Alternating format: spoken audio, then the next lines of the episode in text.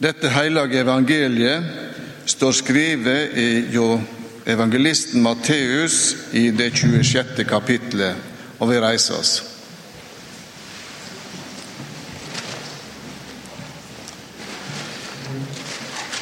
Da Jesus var ferdig med hele denne talen, sa han til læresveinene.: De veit at om to dager er det påske. Da skal menneskesonen overgjevast til krossfesting. Overprestene og de eldste folket kom nå sammen i bostaden til øverstepresten som heter Kaifas, og var samde om å gripe Jesus med list og slå han i hæl. Men ikke under høgtida, sa de, for da kunne det bli uro mellom folket. Medan Jesus var i Betania, hjemme hos Simon den spedalske, kom det ei kvinne bort til han med ei alabastkrukke med dyr salve. Den helte hun ut over hovedet hans medan han lå til bords. Da læresveinene så det, ble de arge og sa:" Hva skal slik sløsing tjene til?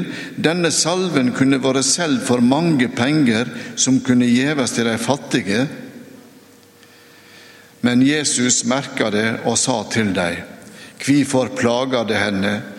Hun har gjort ei god gjerning mot meg. De fattige har det alltid hos dykk, men meg har det ikke alltid. Da hun slo denne salven utover kroppen min, salva hun meg til gravferda mi. Sannelig, jeg sier dykk, overalt i verda der dette evangeliet blir forkynt, skal det hun gjorde, bli fortalt til minne om henne. En av de tolv, han som heter Judas Iskariot, gikk da til overprestene og sa:" Hva vil De gi meg om jeg gjev han over til dykk? De talte opp 30 sølvpenger til han, og fra den stunda leita han etter et lagleg høve til å svike Jesus. Slik lyder det hellige evangeliet.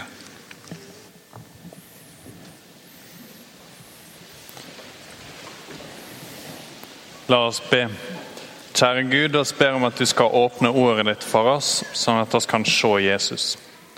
Amen. Bak på arket du fikk når du kom, så står denne teksten, så skal jeg ta litt tid nå og se på den. For her skjer det en del ting. Jesus er akkurat ferdig, som det står i det første verset, med en lang tale, så han er undervist om en del ulike ting. Og så sier han Det vet at om to dager er det påske, og da skal menneskesonen overgives til korsfesting. I den teksten som følger, så er det to ulike svar på det han akkurat har sagt. Det ene vet oss fra Johannes-evangeliet er Maria. Det står ikke i teksten her, men vi kan legge sammen to og to og finne ut at det er Maria. Den andre er Judas. Begge begynner å ane litt at oi, Jesus er annet enn oss hadde forventa. Han er ikke en eh, militærkonge på en måte, som kommer inn og tar makta med kraft. Han er en annen type konge som kommer for å dø for de som trenger det. For å dø for oss. Det er to helt ulike svar. Jesus fortsetter med å si som, Nei, eh, det, teksten fortsetter med å si at overprestene og de eldste Dette er egentlig den religiøse eliten. De har fått Jesus langt opp i halsen, og de tenker oss må gripe han med list, og oss må drepe han. De har ikke så lyst til å gjøre det under høgtida, for dette er Jerusalem. Folketallet der ble mangedobla i løpet av påska. Jesus var relativt populær. Så de sitter og legger en plan. Hvordan kan vi drepe han uten for masse oppstyr og kaos? Så spoler vi oss faktisk litt tilbake. Det er ikke så veldig tydelig her. Det blir tydeligere i Johannes-evangeliet, der den samme teksten står. Til noe som skjedde noen dager før i Betania. Så ta, en vers, eh, ta en kikk på vers 6 på arket ditt. Medan Jesus var i Betania, hjemme hos Simon den spedalske, kom det ei kvinne bort til han med alabastkrukke med dyrsalve. Den helte hun utover hovedet hans medan han lå til bords. I Israel på den tida så hadde de bord som var ca. sånn. Og Da ligger du til bords. Ungene satt her i stad, men det vanlige var at du ligger med skuldra di her og beina ned sånn. Det er ganske avslappende. Prøv det en gang hjemme. Så kunne de plukke mat og spise. ikke sant? Så mens Jesus gjør det, så kommer det inn ei dame, knekker opp ei flaske som er laga av alabast, og tømmer ut en salve. For oss høres det ut som en veldig irriterende ting hvis ungene dine eller barnebarna kommer inn og tømmer ting på deg mens du spiser. Så blir du gjerne litt irritert. Men her er noe helt annet som skjer. Det var vanlig å salve folk før de skulle dø, eller gjerne etter de var døde. Men de kunne også bruke det som parfyme. Læresveinene ser dette og blir ganske sinte, og det er det egentlig en forståelig grunn til. Verdien av den salva var ca. en hel årslønn. Så det er en helt ekstrem sjenerøsitet. Hun kommer og tømmer utover ham alt hun eier, egentlig. Maria framstår ikke i eh, Bibelen som en spesielt rik dame, eller noe sånt. Så disiplene ser på dette og Hva i alle dager skjer nå? Hvorfor en sånn overstrømmende gavmildhet til Jesus? Og så står Judas der Igjen, Det står ikke i teksten, men ut fra det andre evangeliet så vet vi at det var primært Judas. Med en slags falsk omsorg for de fattige. Så han står der og tenker hmm, Dårlig bruk av ei årslønn. Tømme den ut sånn. Hva i alle dager? Hadde ikke vært bedre å tatt denne dyre salven og parfymer? Jeg tror han kommer fra India eller noe sånt, så det er ganske eksklusive greier. Har ikke vært bedre å tatt den, solgt den, tjent ei årslønn og så kunne vi gitt det vekk da, til fattige. eller noe sånt. Egentlig så brydde ikke han seg om de fattige i det hele tatt. Det var han som var kasserer, og han stal fra pengene der. Så han hadde bare lyst på det sjøl. Og Hvis vi hopper litt ned, så ser vi hva som skjer med Judas. Ehm, for Judas med begynner å forstå at Jesus er ikke helt den han hadde forventa. Og han er skikkelig misfornøyd. Så vers 14. En av de tolv, han som heter Judas Iskariot, gikk da til overprestene og sa Hva vil de gi meg om jeg gir han over til dere? De talte opp 30 sølvpenger til han, ca. fire månedslønner. Og fra den stunden lette han etter laglig høve til å svike Jesus. Judas er en av de som kjenner Jesus best. Han har vært tett innpå han i tre år. Nå har han blitt desillusjonert. Og så er ikke helt sikker på hva det er som har skjedd. Men her bestemmer han seg for å gå og svikte Jesus. Fire månedslønner er egentlig en ganske lav sum.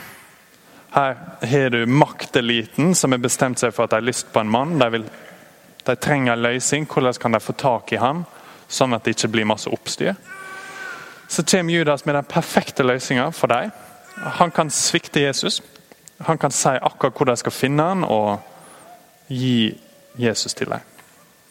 Og så nøyer han seg med 30 sølvpenger. Fire månedslønner. Det er egentlig det er ikke en enorm sum. I Mosebøkene så står det at hvis noen mister en slave og liksom ikke har den tjeneste igjen, så er dette liksom summen de skal få. da. Eh, den samme summen verdsetter Jesus til her.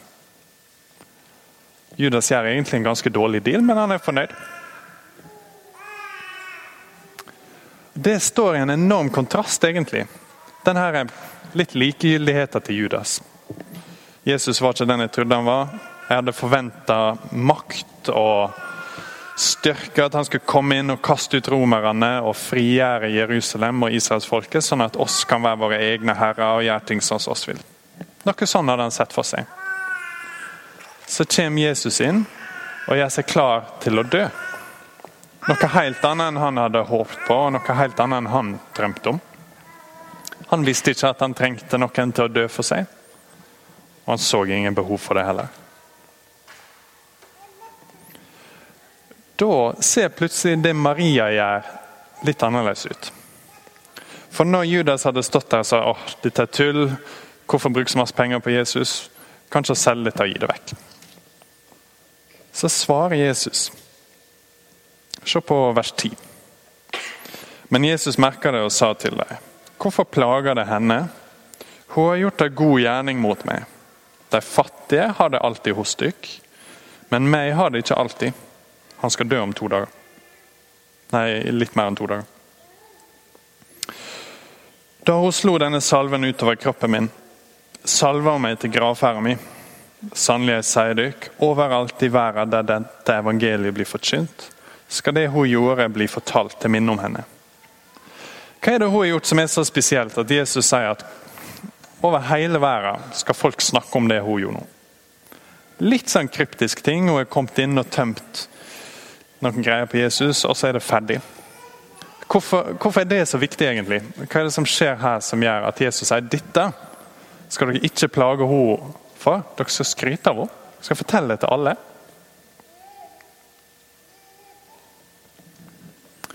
Maria sin bror døde.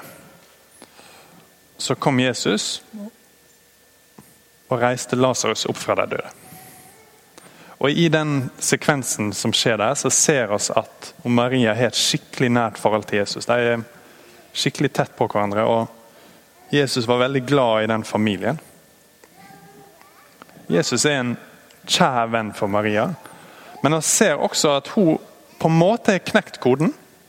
Det virker som om hun ikke forventer en militær hersker. En slags blanding mellom en sterk politiker og en sterk militær leder. Hun forventer en annen type Messias, virker det som. Og Det ser ut her som om hun har forstått litt av hvem Jesus er. Og Uavhengig av hvor masse hun egentlig har forstått, så elsker hun han. Hjertet hennes strømmer over med godhet. Hun begynner å ane litt av hans sitt hjerte for henne. Kanskje ser hun at her er en mann som er klar til å gi alt for meg. Det skal han snart gjøre også. Han skal gå og dø på korset. Det å feire i påska. Og Måten hun møter det på, er ikke en litt sånn likegyldig, forvirra avvisning. Hun møter det med å gi det flotteste hun kan komme på. Her er vi egentlig sannsynligvis på grensa av fantasien hennes. Hva er det flotteste jeg kan gjøre? Hva er det mest fantastiske jeg kan gi til Jesus? Og det gir hun. Denne teksten er egentlig veldig enkel. Hvis du går til Jesus med din kjærlighet, med ditt hjerte og med ditt liv, så avviser ikke han deg. Det er akkurat det han vil ha. Og oss kan gå til han, for å se i påska at han har en mildhet mot oss. Han er godt stemt mot oss. Han er villig til å gå sjøl og dø på det korset som oss egentlig fortjente. Sånn at oss kan få en nærhet med far og nærhet med han. Så la oss be. Kjære Gud, oss takker deg for påska og for at Jesus ga seg sjøl for oss. Hjelp oss å svare med Marias overstrømmende glede. Amen.